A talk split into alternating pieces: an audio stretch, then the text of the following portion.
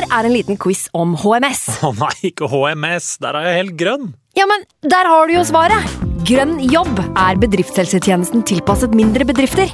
Våre HMS-eksperter hjelper mer enn 8000 bedrifter over hele Norge med alt fra lovpålagte HMS-krav til pålegg fra Arbeidstilsynet. Få på plass bedriftshelsetjeneste på grønnjobb.no. Hallo? Jeg kommer fra Oslo politikammer. Ine Jansen er purk. Er du purk? The motherfucking bitch. Alt jeg vil, er å finne ut hva som skjedde med mannen min. Jon Carew. Er jeg sikta for noe? Iben Akeli. Det er du. Ole So, Lars Berrum og Big Daddy Karsten. Hvem sin side er du på, egentlig? Anette Hoff, Tone Danielsen, Kommer du fra Afrika? Jørnis Josef, Nesten. Kløfta. Trond Espen Seim, Det er synd å si det, men det var feil mann som døde. Purk. Premiere tirsdag på TV2 Play. I can't believe it. Football, bloody hell.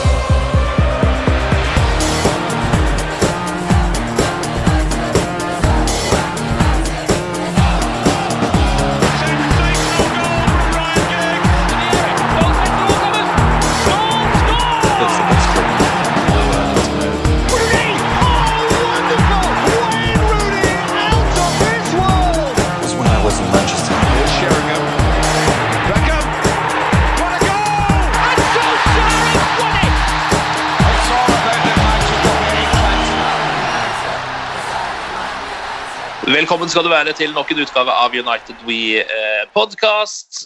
Og det er jo ikke så ofte man kan si dette, men vi eh, kjører altså i gang denne podkasten med United på toppen av tabellen, og det føles altså så godt. Ali Sofi Grimsrud fra NRK eh, P3, velkommen til deg. Hei, Ken. Det er godt å høre fra deg igjen. Lenge siden vi har sett hverandre. Ja, det har gått en stund nå. Men uh, det ordna seg etter i går, da. Ja, God jeg ser du i sitter, dag. Du sitter og gnir deg i hendene her. Hvordan er det å være United-fan om eh, dagen på Nesodden, der hvor du holder til? altså Ute i distriktene så koser vi oss eh, vilt med United om dagen. altså. Det er, eh, nei, men spøk til side, det har vært ah, det er så gøy. Det er, det er form. det er Gutta drar i samme retning og vinner I motsetning til i fjor så vinner United kamper på, som de ligger under. og Det er bare skikkelig skikkelig gøy. Nå er det virkelig artig. altså. Eh, Hadde du eh, tillatt deg selv å hatt troa på noe som dette Nei. før sesongen? Absolutt ikke. Jeg hadde ikke helt trua på at vi skulle toppe ligaen eh, nå og liksom komme tilbake hver eneste gang. da. Selv når man tenker at de, når de andre lagene får litt medvind, så uh, skyver uh, United unna, liksom. Så det er jo overraskende og veldig gledelig. Bjarte Valen med oss fra uh, fotballens hjemland, England. Velkommen til deg også. Jo, tusen takk. United-journalist. Hvordan er det eh, folk i England ser på Manchester United og det Ole Gunnar Solskjær har fått til per akkurat nå? Jeg synes De siste ukene så har det begynt å dreie litt mer i retning av at Solskjær får den krediten og rosen som han faktisk har fortjent ganske lenge. Jeg tror ikke verken journalister, fans eh, eller såkalte eksperter egentlig har sett den enorme jobben Solskjær har gjort i kulissene med å rydde i spillerstallen, med å hente inn de rette profilene, med å bygge lagånd. Rett og slett en cultural reboot som vi har snakket om mange ganger. Eh, det begynner å gi seg eh, resultater nå. Og ikke minst det som Solskjær påpekte etter Fulham-kampen òg. Eh, hvis du ser på av de tolv kampene United har vunnet denne sesongen, som Ali påpekte helt riktig, United har vunnet veldig mange jevne kamper der vi hadde tapt i fjor, spesielt etter å ha lagt under. Det vitner om en mental styrke. Men òg det at United er mye bedre fysisk trent nå enn de var når Solskjær kom inn for drøye to år siden. Og Det gjør at de står distansen i 90 minutter nå mye bedre enn de gjorde tidligere. Og Fulham-kampen blir jo et godt eksempel på det, selv om Fulham kunne utligning på slutten, og vi var litt heldige. Men eh, du skaper ofte din egen flaks med å, med å stå distansen ut. og eh, det er første gang jeg er gjest i denne podkasten mens vi er ligaleder, så den- denne karamellen skal vi suge på. Hurra, opp med champagnen. ja. Men eh, Bjarte, det du var inne på der, synes jeg er litt interessant at eh, Manchester United-laget har blitt eh, fysisk bedre trent. Eh, sannsynligvis. Om det ikke bare er eh, styrken, så også utholdenheten, vil jeg tro. Men hvordan kan man forklare det at eh, managere som José Mourinho eh, og van Hall har etterlatt et litt utrent lag? Eh, det er litt rart, egentlig. fordi at eh, van Gaal var jo egentlig kjent for å være en tøffing på treningsfeltet. Eh, men eh, samtidig så fikk han ekstremt mye skader på, på troppen sin. Jeg husker at blant annet eh, jeg var i Danmark og så United mot uh, Midtjylland i Europaligaen når vi tapte 2-1 der nede. Da hadde vel United 14 eller 15 spillere som kunne gått rett inn på førstelaget, som var ute med skade. Og Det gjorde jo til at uh, vi, vi mønstret et lag med bl.a. Donald Love, Eh, på, var vel venstreback. Eh, det, var et, det var et reservespekket lag. og Jeg satt og tenkte liksom, er dette virkelig det beste Manchester United har å by på. Men med 15 spillere ute med skade, så var det kanskje det. Eh, jeg vet ikke helt. Jeg syns det er ganske interessant. for Hvis du ser på United-laget akkurat nå United har hatt, som alle andre lag, et veldig tøft fysisk kampprogram. Men det er generelt sett lite skader. Vi har hatt Phil Jones på sykestue nå i en evighet. og Jeg vet egentlig ikke hva som, hva som feiler ham, for å helt ærlig. Det er et lite mysterium. Men bortsett fra han, så er det jo, er det jo kun Brendan Williams nå sist som var, som var uaktuell. Og eh, de må ha gjort noe veldig riktig. der Solskjær er veldig flink til å skryte av staben han har rundt seg, både medisinske apparat og de fysiske trenerne. Og de må ha gjort en kjempejobb. For så lite skader som United har hatt nå i det siste, kan jeg nesten ikke huske at vi har hatt midtveis i en sesong før. Eh, Bjarte var jo også innom her, Ali, at uh, standingen til Solskjær uh, er litt på vei opp i England. Og vi som er United-sportere og tidvis ser United-kamper sammen med folk som egentlig heier på andre lag, hva er liksom ditt inntrykk av at hva skal man si, våre motstandere supportere, hva slags inntrykk mener du at de har hatt av Ole Gunnar Solskjær? Nei, altså Som, som nordmenn så er, man klar over uh, viktigheten Solskjær har hatt for United. altså Både sportslig og, og motivasjonsmessig. liksom. Han er jo en av våre, våre helter, rett og slett. Uh, men inntrykket er jo at de klarer ikke å benekte hva som foregår på tabellen. Det er litt sånn. Uh, ser like ut, for all del, men det kan skje med de beste. Men jeg tror de begynner å anerkjenne, eller de anerkjenner nå hva som foregår. ikke sant? Det er lett å, lett å, peke på en som på en måte ikke bruker de mest eh, bombastiske uttalelsene eller eh, er en sånn uh, fyr og flamme-type. Så jeg tror uh, sånn stille respekt det bare kommer, liksom. Det er lenge siden jeg har hørt noe fra snakker om utenlandske journalister. Michael Cox har jo mer eller mindre vært ganske stille de siste månedene nå. Og, ser, og, det, og det, bare fortsetter. da. Bare fortsetter. De merker at det, ok, greit, kanskje vi tok feil her. Uh, men det jeg syns er gøyest med det som foregår nå, sånn objektivt sett, er at det, det er jo går i stikk motsatt retning enn hvordan liksom, moderne fotball er om dagen. Det har vært de siste årene.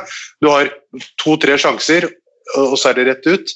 Eh, United har vist, vist den tilliten til Solskjær. Riktignok er han en såkalt company man, eller hva enn det måtte være. Da. Men, men de har gitt han tilliten, og liksom, han har virkelig fulgt opp. Da. Og Det syns jeg er ganske unikt i en eh, moderne fotball akkurat nå. Og det er jo litt deilig at de litt sånn forslitte ordene, altså klisjeen eh, 'vi må gi han tid', faktisk har bevist, eh, at det har bevist seg å stemme. da. Mm. Det synes jeg nesten er, fordi det, Hvor mange ganger har ikke folk bare sagt det, skrevet det i kommentarfeltet, kanskje ikke helt trodd på det selv engang? Brukt dette med tid, tid, tid, tid. Nå viser det seg jo at med tid så kan faktisk nesten ja, mirakler utføres. Eh, Manchester United er i hvert fall tilbake igjen eh, i det gode selskapet igjen. Ja, 100% Og så var det jo en del eh, altså, Inngangen til Solskjær var jo veldig bra. Det var det at vi skulle få glede igjen i laget. Og når det er utgangspunktet, at du skal trives på jobb, så, så sier det seg sjøl at ting skal funke. Mm. Det, er litt, det, er en litt interessant statistikk. da, Hvis du, hvis du går et, eh, et, drøyt år tilbake igjen i tid, når United har undergjort første halvdel av fjorårssesongen, så hadde vi gjennomført den dårligste første halvdel av en Premier League-sesong ever. Vi sto med 28 poeng. Så lite poeng hadde United aldri sanket på før, de første 19 kampene noen gang. Eh, og nå er vi med 40 poeng når vi er halvveis. Så vi har hatt en vesentlig forbedring. Eh, og du kan si Solskjær skal ha veldig mye skryt. Men jeg har litt lyst til å faktisk skryte. Det er gjerne noe vi ikke gjør så veldig ofte. Men vi skryter litt av både Ed Woodward, Gleischer som styrer United, som har hatt eh, en klokkertro på det Solskjær har holdt på med, det klubben har holdt på med. Og der de tidligere har vinglet litt frem og tilbake, og det har vært gnisninger mellom manager og styre, og det har vært snakk om at Mourinho får ikke de spillerne han vil ha, og van Gaal fikk ikke de spillerne han vil ha. Det kan godt være Solskjær ikke får alle de spillerne han vil ha heller, men i alle fall det er veldig lite negativt som lekker ut fra klubben. Mye kreditt til Solskjær eh, definitivt som en veldig lojal mann i forhold til Manchester United, eh, men òg United har skjønt at det å handle inn spillere eh, for flerfoldige 100 millioner pund i kan du si, bare to-tre vinduer og satse på at dette skal plutselig slutte i blomst, det, det er gått litt vekk fra den filosofien og heller tenke langsiktig. Og så kan du si det at Litt av grunnen til at United ligger der de ligger nå, på toppen av tabellen, det kan jo være like mye fordi at Liverpool har en mye svakere sesong i år enn det de hadde i fjor. City er omtrent der de var i fjor. Eh, Leicester er omtrent der de var i fjor. Chelsea har vel blitt svakere. Så du kan si det at det er andre lag som har sviktet, men det er jo Sånn var det jo ofte under Ferguson òg, når vi vant ligagull. Si. Ett år ble vi nummer to, gjerne med 86 poeng, og så vant vi ligaen året etterpå med, med 78 eller 79. Så du må jo bare fokusere på det du sjøl gjør, og, og, heller ta det som en bonus hvis konkurrentene snubler. Ok, La oss uh, kaste, kaste, oss løs. Det tror jeg ikke er et uttrykk, men la oss uh, i hvert fall sette i gang. med de Nå er det det. Nå er det et uttrykk. La oss se litt på de matchene som har blitt spilt siden sist. Da. Det er jo to kamper, det. Um, årets store match skulle det på en måte være. Um, da kampen var slutt, så satt man kanskje ikke igjen med helt den følelsen, men Liverpool, Manchester United på Anfield 0-0. Um, ehm, hva er de første tankene i det kampen blåses av? Bjarte, hva tenker du eh, umiddelbart når eh, du skjønner at dette her er 0-0 på Anfield? Uh, umiddelbart etterpå så tenker jeg at denne kampen uh, kunne vi, og kanskje strengt tatt burde vi faktisk ha vunnet. Så jeg sitter med en litt sånn samme følelse som Solskjær. Litt sånn mellomfornøyd. Hadde du tilbudt meg 0-0 på forhånd før kampen, så hadde jeg sannsynligvis sagt ja, greit nok, jeg tar den. Men med de sjansene som vi hadde i andre omgang så, eh, så, tenker jeg at her gikk vi kanskje glipp av to poeng og åpnet opp en enda større luke til Liverpool. Vi hadde, vi hadde store sjanser med både Bruno Fernandes, både ble frispark og den avslutningen i andre omgang. Og ikke minst sjansen til Pogba. Eh, men eh, som Stose sa, det er et bra poeng hvis vi gjør jobben i de andre kampene som kommer. Og det begynte jo bra mot Fulham. Eh, men, men, det som jeg vil si, det er litt interessant. Jeg satt, jeg satt med følelse, Vi spilte jo 0-0 mot Liverpool. Eh, det var vel var det to ganger under Jose Mourinho òg. Ja. Eh, og da satt du med følelse av at hele tiden at det var Liverpool på en måte som kontrollerte alt som skjedde i 90 minutter. og at Vi måtte på en måte forsvare oss hele veien. Så hadde vi kanskje en og annen sjanse. Det du ser her, det er at ok, Liverpool styrer de første 30. Eh, United kommer litt mer med, men i andre omgang, etter hvert som kampen skrider frem, så er det United egentlig som er klart nærme seieren, og som, som, eh, som, styrer mye av det kreative spillet som skjer. Så kan du si det at Liverpool har sine skader og alt det der der, men det er åtte av de samme elleve spillerne som startet fjorårets kamp mot Manchester United, som starter for Liverpool denne sesongen. Og så selvfølgelig er tap av Virgil van Dijk stort, eh, men det er ikke et helt nytt Liverpool-lag som møter oss. Det er ikke det, altså. Ali, hva tenkte du? Nei, jeg tenkte, I ettertid så tenkte jeg sånn Uh, for et forferdelig narrativ at uh, Liverpool skulle liksom Nei, det her hadde Liverpool fortjent å vinne. For de gjorde jo ikke det. United var klart nærmest, selv om Liverpool hadde mye av banespillet. sånn sett. Og Det Bjarte sier, det er at det, det er altså liksom gjennomgående i sesongen da, at United er på høyde med de beste. Og det, det begynner å bli liksom eh, en, en liten stund siden. Selvfølgelig, jeg hadde tatt imot, uh, tatt imot et poeng mot Liverpool, det, det er ikke det. Hvis jeg kunne blitt tilbudt det før kamp. Men, men jeg syns ja, det var to poeng som mangla, for å være ærlig. Ja, eh, jeg kan være enig i det. Det var jo en kamp der jeg tror alle parter, altså eh, både Liverpool-supporteren, eh, United-supporteren og den objektive, følte seg litt snytt til slutt. på en eller annen måte, fordi Selv om Liverpool på en måte var heldig som dro det, eller kunne lett ha tapt matchen, da, for å si det på en ålreit måte, så tror jeg de også tenkte at dette her var en uh, Eller de har sett bedre Liverpool-utgaver. da. Eh, bare denne sesongen her så har jo Liverpool spilt bedre kamper enn dette her. Eh, og kunne sannsynligvis ha fått til mer mot United også, men sånn ble det jo ikke. da. Syns United starter litt svakt, som du er inne på, Bjarte. Jeg skjelver litt i buksene de første i hvert fall 20-30 minuttene. Og så er det jo akkurat som at uh, det du nevnte tidligere med fysikken til United viser seg litt utover. For det er akkurat som at Liverpool ikke henger med lenger fordi de begynner å bli litt slitne, rett og slett. Mm. Eh, at det går litt saktere, de gjør flere feil. Du ser at United plutselig har bare tatt over matchen fordi de har mer å gi. Mer igjen mm. å gi, da. Eh, og det er jo veldig uvanlig i sånne typer kamper. Altså to topplag i, i England. Ja, la oss, skru, eh, la oss skru tiden tilbake igjen noen uker. da, til Vi spilte mot City hjemme på Old Trafford, og en kamp som endte 0-0. Eh, og da tenker jeg, I den kampen så syns jeg og tenkte at det var City som var nærmest mot slutten. Det var City på en måte som sto distansen best ut der. Hvis noen skulle vunnet på Old Treffer der, så var det vel sannsynligvis City som kunne gjort det. Nå tenker jeg ikke på ligacupkampen, men på, på ligakampen. Eh, og så syns jeg på en måte eh, hendelsesforløpet var motsatt på Anfield. Det er vi som United som, som, som styrer det som skjer mot slutten, og, skaper de største sjansene og er nærme seieren.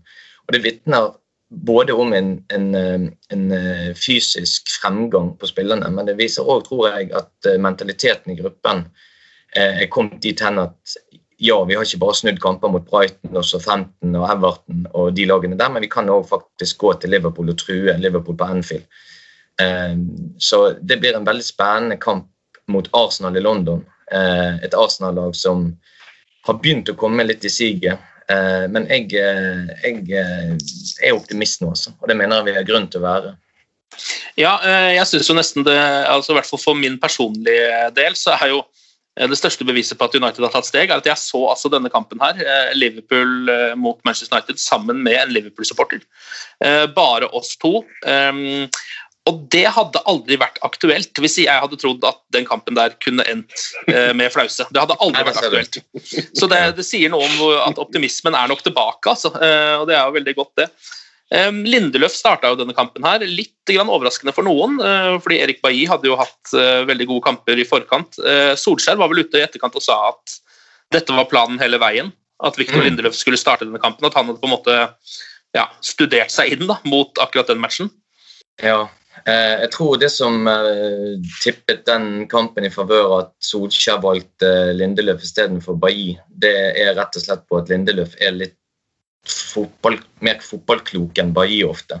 Bailly havner av og til i litt sånn forskjært. Du så det for så vidt mot Fulham òg i forkant av skåringen deres. Han mm. plutselig finner ut at han skal prøve å oppheve offsiden. Det, det, virker mer som en sånn panikkhandling enn en veloverveid handling. Og du ser Aron Van henger ikke med. De kan jo fordele skyld eh, alt etter hvem, eh, hvem, du spør, si, hvem som, hvem som opphever offsiden. Men eh, jeg tror rett og slett det går på det at Solskjær følte at eh, Lindeløf var et tryggere valg. Og så har han jo selvfølgelig de, eh, de ryggproblemene som gjør at uh, han kan ikke matche han i hver eneste kamp omtrent sånn som han gjorde i fjor. Men da er det jo veldig greit at vi har Erik i bakhånd, eh, som er en litt annen stoppertype. Veldig sterk i, i fysisk, god i duellspillet eh, og har farten som, som er veldig, veldig god å ha. Ja, jeg syns jo også eh, midtstopperparet gjorde en god jobb i den matchen. Både Maguire og Lindelöf hadde en eh, bra match, sånn som jeg så det, ja, mot god. Liverpool. Men en som jo fikk altså, de fleste stjerneskussmålene etter matchen, er jo en mann som José Mourinho prøvde å putte på psykiatrisk sykehus, men som faktisk overlevde det, og nå er tilbake igjen. hva syns du om kampen til Luke Shaw, Ali? Luke Shaw er en forandret mann. Ja. Eh, så gøy å se. Eh, snakk om å bli såpass avskilta også, han er undertegnede, ja. Eh, til å bare vise at det, bor veldig mye fotball i han. Jeg vet ikke om det er Alex Telles-inngangen som har gjort at han har steppet opp så voldsomt, men i motsetning til tidligere år, i hvert fall de to foregående, så jeg tenker gi ballen til Shaw. Han, han, kan faktisk gjøre noe ut av det. Han skaper furue og, og, og ødelegger balansen til motstanderlaget. Nei, bare veldig overraskende. Og det går jo på det Bjarte sier om det mentale. Da. Det er noe som har skjedd i klubben. Det er noe, det er noe ekstra gir der. Uh, uh, hvem enn som måtte være mentaltrener i United, burde få seks Sphinx-bokser og 1000 roser, i hvert fall. ja, det er veldig godt å se Luke Shaw. Han har jo vært god over en lengre periode nå og kroner mm. liksom litt da, uh, i det mm. derby mot Liverpool. Mm. Men jeg tenker på alt den gutten har vært igjennom. Han har jo knapt kommet til United før Louis van Gaal sa at han ikke, han ikke er fit til å starte den første ligakampen. Uh, alle syntes det var veldig rart. Han var vel verdens dyreste tenåring da han kom til United. Uh, og, og, Louis van Gaal sier vel mer eller mindre at han er, han er overvektig og utrent. Uh, det blir ikke aktuelt å hive han inn på laget før om en god stund. Har en veldig opp- og ned-sesong. Begynner sesong nummer to veldig bra, så knekker han foten og er ute resten av sesongen. Fryktelig trist. Uh, men han levde litt sånn det, det, under Mourinho, som du sa. Uh, gang på gang så ble han liksom han, han, var for United under Mourinho det Deli Alli er blitt for Tottenham nå.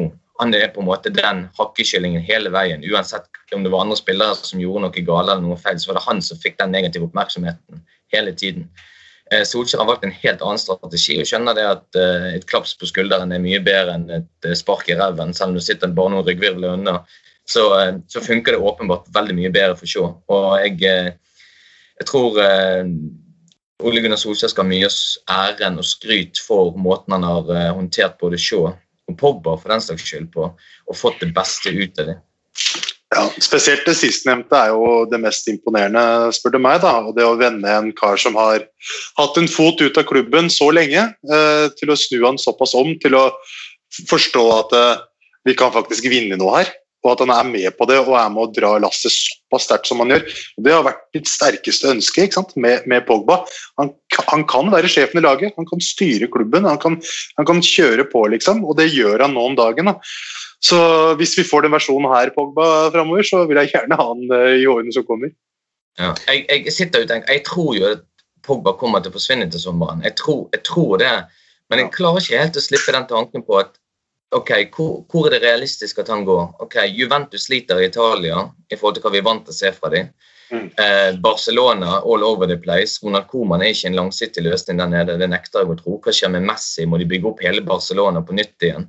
de sliter økonomisk. Real Madrid gikk vel på et uh, veldig forsmedelig tap i den spanske cupen her i, i, går, var det vel? I går kveld, ja. Uh, og du tenker at eh, er det nå virkelig så veldig mye mer gjevt å gå til noen av de klubbene som er nå i en litt sånn unntakstilstand, enn å være i United hvis de plutselig skulle gå hen og vinne eh, ligagull denne sesongen her, og kanskje styret sier til Solskjær vet du hva, nå skal vi bygge dette laget her videre.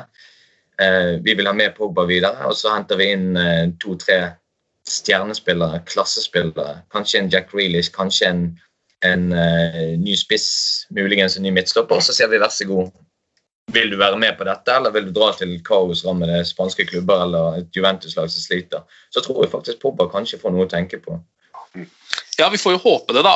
Altså, hvis du skisserer opp alle de tingene der, så er det nesten litt samme for meg. Altså, Hvis United faktisk vinner ligaen, så er det da trenger ikke de følgene som kommer etter her å komme en gang. Da er det nok, på en måte.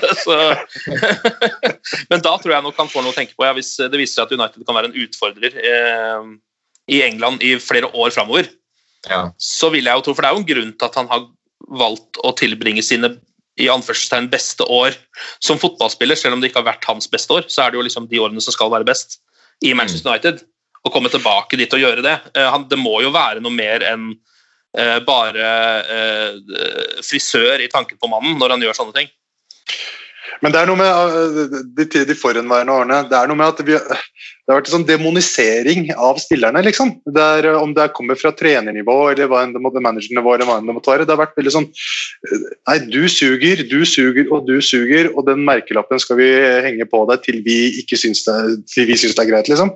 Så det er noe med det mentale å, få høre at det liksom Nei, du, du, er ikke ønsket her, eller hva enn det måtte være. da, Til, til ting som ting eh, er nå.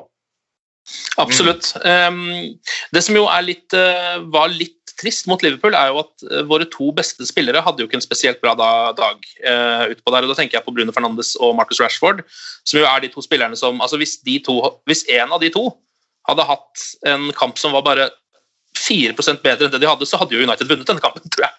Ja, jeg syns Bruno var faktisk ganske god i år. Ja. selv om det ikke ble målpoeng, så syns jeg han var med å styre. Han var en av banens beste, spør du meg. Ja, Nå mener jeg mot Liverpool, altså. Ikke mot Liverpool, ja, ja, ja. ja, okay, ja, ja. Mm. ja enig. Ja, um, og Marcus Rashford har jo en rett og slett en svak match. Er du ikke enig i det, Bjarte? Han, eneste gangen der han bør spille Kavani, han somler bort ballen flere ganger. Han er jo rett og slett ikke Marcus Rashford. Eh, nei, det har gått litt trått for han i det siste. Eh, både han og Anthony Martial har, eh, har Det virker å være inne i en liten blindgate. Eh, og derfor så så tenker jeg at uh, jeg ser ikke bort ifra at, uh, at Edinson Cavani kommer til å få flere kamper enn kanskje det Ole Gunnar Solskjær så for seg i utgangspunktet. Rett og slett fordi at uh, du ser det òg mot Fulham, og du så det etter innhoppet mot Liverpool òg. Mange smarte bevegelser.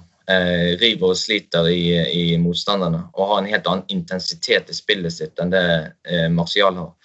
Veldig god førsteforsvarer også. Absolutt. absolutt. Mens du nevnte Bruno Fernandes, jeg tror, jeg tror, det har litt med å gjøre det at fyren faktisk er et menneske, tross alt. Det er lett å glemme det oppi det hele, etter alt det han har gjort uh, siden han kom. Uh, enda ikke vært med å tape en bortekamp med United i, i, Premier League. Det er jo egentlig helt spinnvilt. Wow. Han har snart vært der i et, uh, et år. Eh, og vi er jo vant til at han uh, skårer eller legger til rette og er involvert i nesten alt United gjør offensivt. Eh, har en eh, ok kamp mot, eh, mot Fulham, men kanskje ikke så bra som vi forventer. Jeg tror jeg satte en 6,5 på spillerbørsen til United ennå på han, og så leserne stort sett var enige med det. Og det er en kamp på det jevne. Det er helt greit. Men jeg tror rett og slett det er fordi at vi er vant til å se så mye mer fra han. Eh, at forventningene blir, blir, så høye. At når da viser på en måte at han er menneskelig, så, så, så, blir vi nesten litt skuffet. Men det som er kjekt nå, det er jo det at når han i gåseøynene svikter, så er det andre spillere som står opp og tar ansvar. I går var det spesielt Pål Pogba, som jeg syns var aldeles strålende. Jeg er helt enig. og selvfølgelig altså, Det er ikke noe vits å slenge noe kritikk mot Bruno Fernandes i det hele tatt. Han har allerede overbevist. og Når du vinner uh, ja, hva er det han har? Han har fire Man of the Match-priser uh, i løpet av et kalenderår, som første spiller noensinne i England. Ja, Player of the Month var det vel. Ja. Player of the Month, ja. Uh, da begynner det jo å um, ja, da er du på en måte Da går det ikke an å slenge noe kritikk den veien. Da har du på en måte gjort det du skal.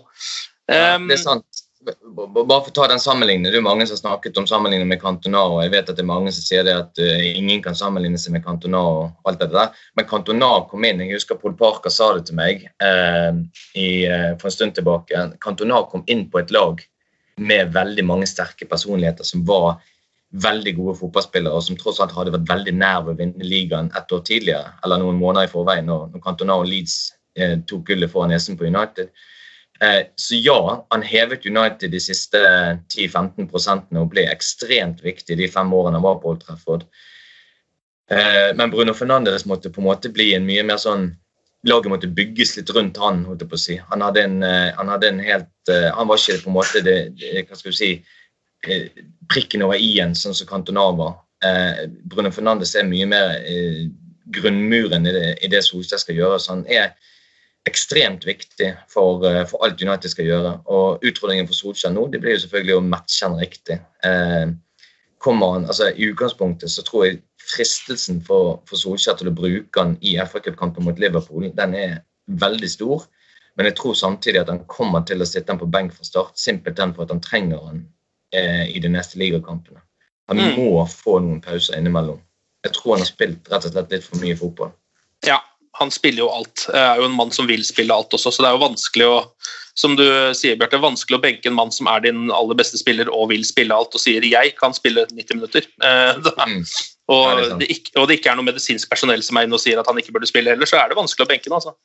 Eh, men det blir jo altså 0-0 på Anfield. Eh, vi får jo se mot slutten av sesongen om eh, det er eh, sånn som manager er veldig opptatt av. Et godt eller et dårlig poeng. Eh, man vet jo alltid at tre poeng det er perfekt. Du kan ikke gjøre det noe bedre enn det. Null er det verste. Ett poeng kan være bra, det, men vi veit liksom ikke helt ennå.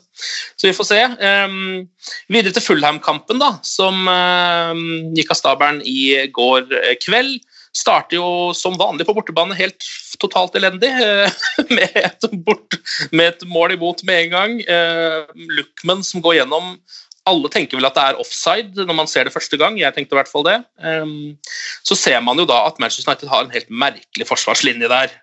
Maguire legger seg langt over mot venstre. Um, vil vel tro i utgangspunktet at han gjør jobben sin, mens Erik Bailly ikke følger helt etter. Og så blir Van Bissaka stående ja, altfor langt bak, og det opphever offsiden. da.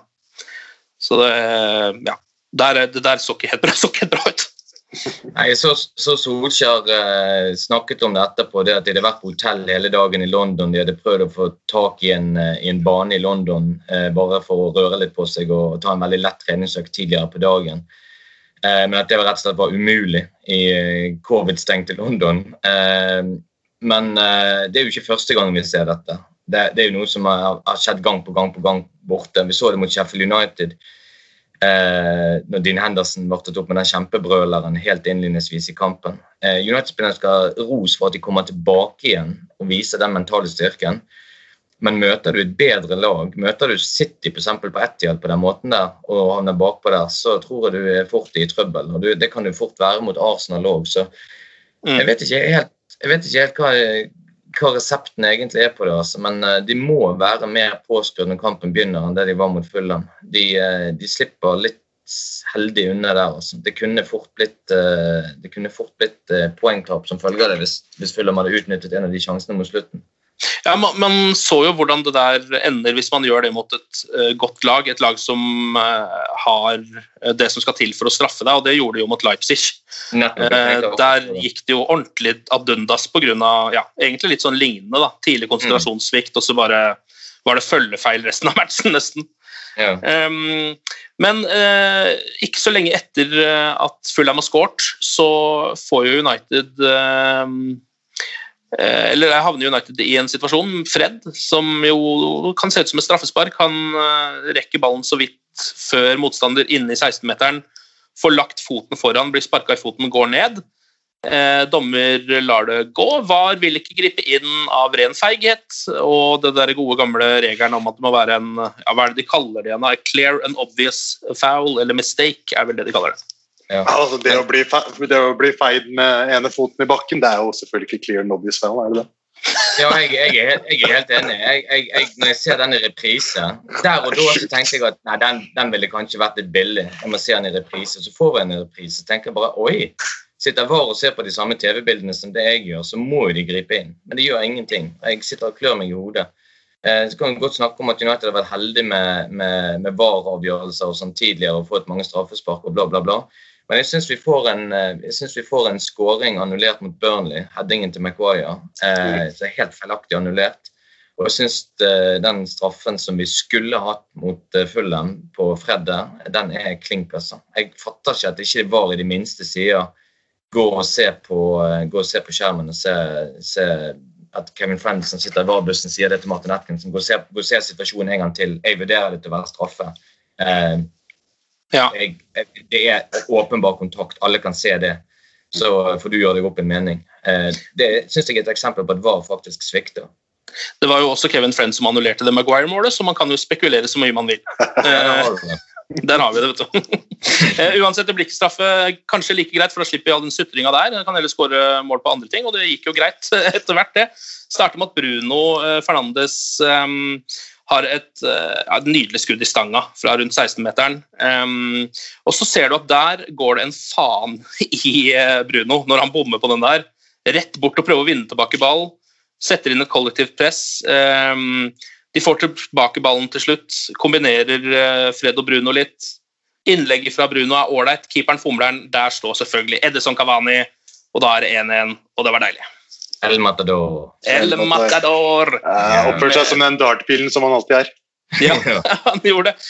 Og han er jo, det der er jo, altså sånne, United har ikke skåret så mange av de målene der, fordi de har jo ingen sånn fox in the box. altså Martial er ikke helt fox in the box, eh, rett og slett. Mm. Kavani er det. Det er jo ikke tilfeldig, selv om det er tilfeldig akkurat der og da, at han står akkurat der. Så er det over Nei, det... Uh, altså Hvis du tar dette over 100 kamper, så kommer han til å stå der ja, der hvor ballen havner, oftere enn Martial gjør. da. Definitivt. Han er, han er, ekstremt flink til å lese de situasjonene hvor det kanskje kan komme en retur.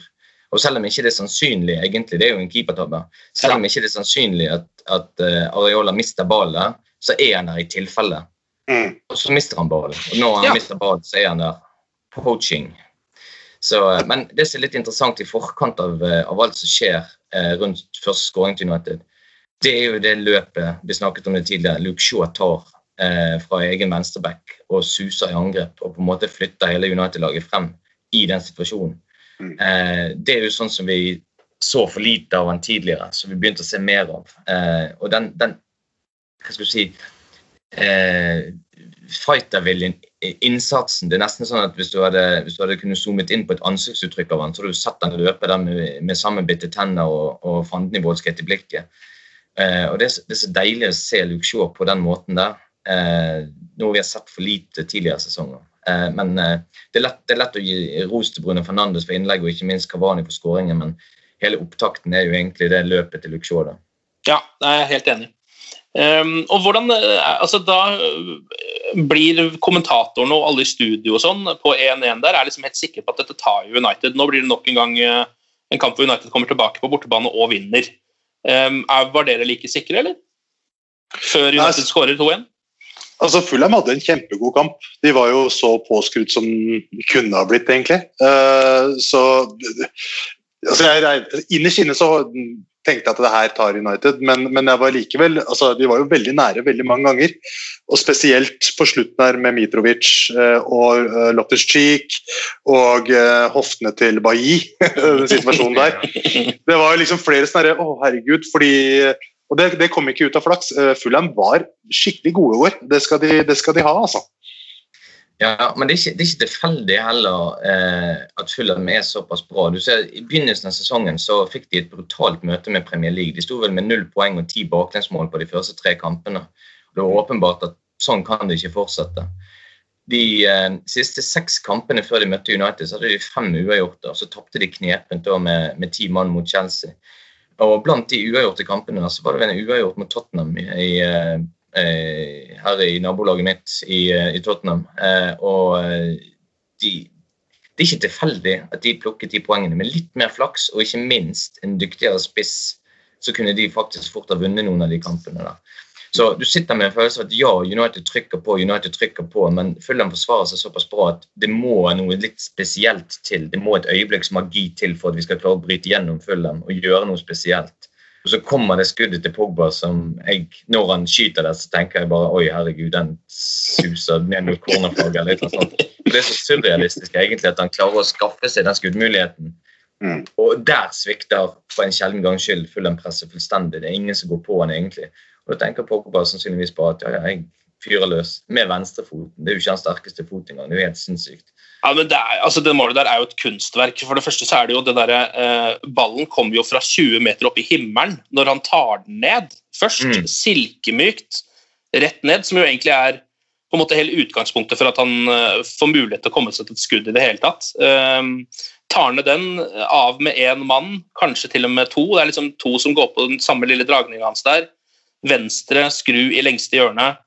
Uh, ja, det er jo, nå har Paul Pogba altså skåret noen ville mål etter at han begynte å komme i form igjen for Manchester United. Vi har det her, vi har det der mot Hvem var det mot igjen? Hvor han skårer på én touch uh, fra 20, eller hva det var. Burnley. Det er den jeg ja. tenker på. Innlegget ja. til det. Litt flaks, men, uh, men uh, dog. Det er glimrende utført. Ja. Mm. ja, det er volleyskuddet. Og så har han også den med innsida. Uh, fra, Nå husker jeg ikke hvilken kamp det var engang. Ja, men det Westham du tenker på, kanskje? Ja, det er det sikkert. Ja, ja, den var helt enorm. Så han, eh, ja, han har virkelig stått fram. Altså. Eh, rett etter det så fortsetter United å bare male på. Kavani har en kjempesjanse etter et innlegg fra Bruno. Headeren, eh, Areola redder. Og så kommer jo disse sjansene som du var innom, Ali. for derfra ut så er det egentlig mest Fullham. Altså. De har en ganske stor sjanse ved Loftus Cheek etter sånn 74-75 minutter. Herlig beinparade av David Hea. Um, og så kom jo dette hvor uh, Bailly nesten skårer selvmål, da, uh, helt på slutten der. Uh, men der er det jo faktisk inn. Ja, det var helt det, der, det, så så ut som den, altså, det så så ut som den gikk inn for meg. Jeg trodde der var det kjørt. Ja, det var ikke mer, altså, får ikke mer klassisk 'den så jeg inne'-øyeblikk enn det, liksom. Nei, det der. Og du ser jo på trynet til Bailly også. Uh, oi, der! Men til slutt så blåser jo dommeren av. da. Uh, ganske mange minutter på overtid. Um, United vinner nok en kamp på bortebane der de har ligget under, og har nå altså 17 strake borte uten tap, som er tarringering av klubbrekorden. Um, og et ganske godt utgangspunkt hvis man uh, har lyst til å hevde seg i Premier League. ja, uh, men da er du uh, at, at, vi kommer til å gå ubeseiret borte hele sesongen, det, det, det, tviler jeg litt på. Men vi har enda et forbedringspotensial. Dette, dette, tenkte jeg på hele veien og United lå langt nede på tabellen og vi så ut som vi slet. Det var tre tap på de første seks kampene og, og i tiden etter der òg ikke spilte veldig bra hjemme. Jeg sa det den gangen der, og jeg står ved det nå med fasiten i hånd, så det er veldig lett å si, men jeg sa det den gangen der. Jeg, jeg satt og følte at jeg omtrent var den eneste som jublet vilt etter at vi slo West Bromwich 1-0 hjemme. Eh, egentlig en dårlig kamp. Men for det mentale, det å bryte mm. denne barrieren, eh, rekken med kamper uten seier hjemme på Old Trafford, det var så viktig. Og ikke minst at vi får den kampen mot, uh, mot Leeds hvor vi på en måte bare feier over dem. For alt den, den Bielsa-fotballen har blitt skrytt opp her borte. holdt jeg på å si. Mm. Eh, viser at han hadde kanskje sine svakheter, selv om, eh, selv om Leeds har vært en fargeklatt i Premier League. Eh, der, fikk de, der, fikk de, virkelig eh, smake hva United har å by på hvis de, hvis de er helt tent fra start. Og så er det jo da United på topp da, eh, i Premier League. 19 matcher, 40 poeng. City City har jo sneket seg opp på eh, en um, andreplass der nå med 18 kamper og 38 poeng. Det vil jo si at de har en hengekamp eh, som kan gjøre at de leder eh, Premier League igjen. Men det ser jo akkurat nå, da, så er det jo eh, Manchester United, Manchester City, Liverpool og til en viss grad Leicester som skal krangle om dette seriegullet her. Er det sånn at, altså Nå er vi halvveis i sesongen, akkurat. Akkurat 19 matcher. Hvor mye eh, er det lov til å tro på et seriegull til Manchester United nå? Om det er lov? Ja, hvor, hvor, ja, hvor sterk kan man være i den troa? Eh, jeg syns du skal være ganske sterk. Jeg tror den skumleste utfordreren til United det blir City. Eh, jeg syns de begynte å ikke bare få bra resultater, men også spille ganske bra fotball. Eh, og det gjør de selv uten Aguero og en delvis formsvak Gabriel Jesus. City spiller jo De har så mange spillere som kan skåre. Eh, og eh, nå blir jo Kevin De Bruyne skadet. Du sitter og tenker liksom Oi, skal dette være den kampen der City faktisk avgir poeng litt overraskende hjemme mot Aston Villa? Så bare maler de på og maler de på, og så skårer de de, de målene som er nødvendig for, for, å vinne den kampen. Eh, City er for meg den skumleste utfordreren. Eh, men eh, før sesongen begynte, så, så hadde du nok eh, sannsynligvis sagt at det er United, City, Liverpool, Chelsea, Tottenham som vil være de sterkeste. Så er Leicester, Du sitter på en måte og venter på at Leicester skal få en sånn der i trynet, men de, de, de, ypper seg hele veien. Og Den seieren mot Chelsea den gjør jo sitt til at Chelsea nå er inne i en sånn last chance-saloon hvis de skal melde seg på i ikke bare i kampen om et ligagull, det er sannsynligvis for langt frem for dem, men rett og slett for å henge med i kampen om Champions League-plass. For de begynner å vise resultater som, som kan, kan, spøke for fremtiden til Frank Lampard. Altså. Mm. Absolutt, det ser jo ikke bra ut, eh, det, de, det, som foregår i Chelsea i det hele tatt. Starta jo ganske bra, så har det bare gått nedover og nedover. og nedover. Eh, men det er et par ting som jeg synes det kan være litt sånn interessant å trekke fram nå som Manchester United har eh, altså er på toppen av tabellen midtveis i sesongen og på en måte har hatt en så god sesong som man nesten kunne håpe på. Eh, kunne vært litt bedre hjemme, selvfølgelig, men altså det, da hadde det jo nesten måtte vært verre borte. på en måte. Så er det litt gøy å tenke på et par ting, bl.a. Eh, kjøpet av Edison Cavani, eh, og hvor hardt slakta det ble da det ble gjort. Mm. Og også kanskje eh, det at Jaden Sancho slett ikke er i klubben i det hele tatt, og det er ingen som snakker om han heller. Altså det, er, det, er det, det, er, veldig gøy det med Kavani. Han kan vise seg til å være kanskje en veldig viktig spiller ut, ut sesongen nå, nå som både Rashford, Greenwood og Martial ikke er helt på topp nå. Uh, så, men den, altså, 200 mål for PSG, uh, eh, masse VM-mål. Altså, selvfølgelig, selvfølgelig, kommer det noe fra han nå, tenker jeg da. Mm. Jeg, jeg, jeg, svarte jo aldri på spørsmålet ditt egentlig, hvor, hvor sterk troen er på United-gull. men er troen er jo selvfølgelig sterkere enn han har vært noen gang siden 2012-13-sesongen, som var Førgusens siste. Eh, men jeg tror det som gjør at jeg er optimist, det er at jeg tror det er mer i vente fra United enn det vi har sett. Jeg tror prestasjonene til United kommer til å bli bedre utover andre halvdel av sesongen. Eh, og da tror jeg òg poengfangsten kommer til å holde seg stabil. Eh, og så er det det at vi ikke skal ut i Champions League, men heller i Europaligaen. Eh, jeg håper og tror at Solskjær kommer til å kjøre med et litt reservespekket mannskap mot Real Sociedad. Mens City, det er liksom Champions League henger ekstremt høyt for dem. Og de kommer til å gjøre alt de kan for å ha fokus inn der. Og de ekstra kampene som kommer der, den ekstra belastningen der Hvis det kommer noen særlig flere skader på City, så vil de òg merke det når hardkjør virkelig, eh, virkelig tar til. Så skadesituasjonen kan være eh, veldig avgjørende. Eh, men eh, jeg tror det som kommer til å bli utslagsgivende, eh, det er rett og slett den mentale styrken eh, som United så langt har vist. Klarer de å holde på den hele veien, så er de med og kjemper om gullet når vi står i mai. Vi får håpe det. Vi får håpe det. Eh, ikke så veldig mange rykter å ta tak i som er interessante, men eh, de fleste av de dreier seg egentlig om Jesse Lingard, faktisk. Eh, at han kanskje er på vei ut allerede i januarvinduet. Nå har vel Solskjær vært ute og sagt at han Eller jeg vet ikke om han har sagt dette offisielt, men Det ryktes at han er litt skeptisk til det rett og slett pga. veldig mange kamper, og at han ikke vil ha noen mindre stall enn det han allerede har. Men fremtiden til Jesse Lingard i Manchester United den trenger vi vel egentlig ikke å diskutere, for den er vel ikke spesielt lys. Nei, han har vel, eh, det er vel ganske klart akkurat den biten der. Men jeg syns også det er kult at han ikke har vært så liksom, forsmådd over det. Han har forstått at det liksom, eh, nå har tiden rent litt ut, og min tid er litt over. Men han oppfører seg ikke som en tulling allikevel, da. og det skal han ha. Han spilte jo også en bra kamp, den ene kampen han spilte her nå. I, det var vel i ligacupen, så vidt jeg husker. Mm. Uh, ja. Jesse Lingard er en person som har hatt mange utfordringer på, på det personlige planet. Det har ikke vært enkelt for han eh, de siste årene. Eh, men jeg husker jeg skrev etter, eh, etter United spilte mot Brygge borte i Europaligaen, en av de siste kampene som jeg eh, var på før covid kom og stengte ned alt. Da fikk han sjansen fra start, var veldig svak. Og, og da husker jeg jeg skrev en kommentar eh, om at dette kan ha vært din siste sjanse til å, til å slåss om en plass på, eh, på eh, førstelaget til United.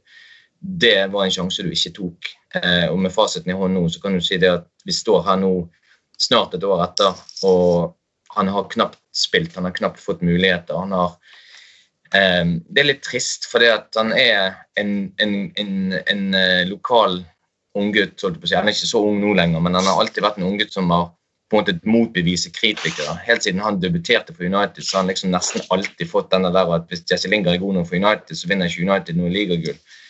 Alltid måtte liksom kjempe mot den. da. Eh, og nå eh, For hans egen del så tror jeg kanskje det at eh, det faktisk kunne vært, eh, kunne vært smart å tenke på et klubbbytte. Eh, han var god i VM i 2018 for England. Uh, han kan spille fotball, bevare meg vel, men, eh, men, jeg ser ikke for meg at han kan ha noen fremtid i, i United nå. For han kunne jo bekledd den rollen på høyrekant hvor, hvor vi egentlig, som Volda Solskjær, kanskje mest hodebry av alt. Men han er jo ikke aktuell for den plassen i det hele tatt, virker det som. Og det et klarere signal enn det er vanskelig å få. Ja, det er jo nesten som han ønsker han en transfer også. Eh, fordi akkurat nå så er jo fotballkarrieren hans eh, ja, den er rett og slett eh, i lockdown, liksom, sånn som resten av verden. Mm. Så det, det må, jo være greit for han også at barene begynner å åpne igjen. At han kan liksom gå ut og gjøre, altså gå ut på gress og spille fotball, da, for det tror jeg han har lyst til å gjøre. Om det så er i ja, eh, Spania, Italia, et eller annet sted. Det fins jo eh, nok av klubber som kan ha bruk for Jesse Lingard. Uh, og han kunne spilt fast for masse ålreite klubber, han, liksom. Uh, mm. Nå vet jeg ikke helt om nå har vel Inter kanskje kvota der er full, men eh, med eks-United-spillere. Jeg satt og så en intermatch der om dagen, og det var, bare, det var nesten komisk. for sånn, Ashley Young starter jo selvfølgelig, han er fast. Eh, de knuser jo Juve liksom, med det laget der. Eh, Alexis Sanchez surrer rundt utpå der. Romelu Lukaku er jo dritgod, så det er jo greit. Men altså, det, er, eh, ja, det, er et merkelig, det er et merkelig lag. Restene av et uh, forsvunnet Manchester United. på en måte. uh, ok, men Da er det FA Cup på søndag. da, Nok en match mot Liverpool, denne gangen på Old Trafford. Um, og så er det jo da onsdagskamp mot Sheffield United, uh, også den hjemme i Premier League. Så det er to hjemmekamper som venter. Um, vi får jo håpe at de er i ferd med å bygge opp fortet igjen, da. Ja, eh, jeg håper det. Det har i hvert fall vært en vesentlig forbedring hjemme på Old Trafford siden vi tapte mot Arsenal der i uh, tidligere høst. Så eh, ja. Old Trafford det skal være et fort. Enkelt og greit. Hva tenker dere om uh, prioritering rundt FA-cup nå, da? Er det, som Du snakka litt om det, Bjarte, men er det liksom Bruno-time, eller er det litt vil, Håper dere å se et litt mer reserveprega lag? Altså, håper dere å se Donny van de Beijk utpå der, Ali? Uh, Solskjær er, jo veldig glad, eller Han har jo snakka om at det med å få et trofé er viktig for nå. Så Det er jo fjerde runde, det er jo ikke de første, det er ikke innledende runde heller. så jeg blir litt overraska om det bare kunne bli reserver. Fordi, og så er det mot Liverpool, da, som jo det betyr jo mer da. Mm. Det er det. Så uh, jeg håper de kjører på litt her, jeg. Ja. Jeg tror de håper de kjører litt på og fortsetter å bruke bredden i stallen. og Så kommer, eh, kommer ABB og Rashford og Marcial og Greenwood eh, med etter hvert i sesongen. Mm. Bjarte? Eh, ja, jeg tror, jeg tror, i hvert fall uh, Ole Gunnar Solskjær har et litt mer luksusproblem når han skal eh, ta ut det laget, enn det Jørgen Klopp har. for å si det sånn. Han er, han er mer down to the bare bones. Han, er, han, han, må, må, nesten gjøre et valg og, og bruke mange av ungguttene, eller å, å, gi alt for å prøve å vinne den kampen. Eh, bekymringen hvis jeg hadde vært Klopp nå, er rett og slett å se at de, de tre fremme som på en måte tidligere har, har vært helt i fyr og flamme for Liverpool, virker å være helt tannløs om dagen. Og Luke Shaw hadde jo Salah i lommen sin eh, gjennom samtlige 90 minutter på Anfield. Og, og eh, jeg blir overrasket hvis eh, Jørgen Klopp ikke tenker at disse spillerne trenger faktisk litt hvile. Og eh, Vi får se litt hva som, hva som kommer av nyheter fra, fra pressekonferansene til de to managerne. Men jeg tror du får i alle fall et Liverpool-lag som kommer med, med mange endringer fra det laget som vi så på Anfield. Eh, så kommer det en del endringer for, for Solskjær òg, men eh, jeg tror United vil stille med et sterkere lag på, fra start enn det Liverpool vil gjøre. Mm. All right, uh, gutta. Tusen takk for uh, praten. Vi krysser fingra for avansement i FA-cupen og uh, tre poeng mot Sheffield United på onsdag. Ali og Bjarte, tusen takk for praten. Hyggelig å være med. Og glory, glory.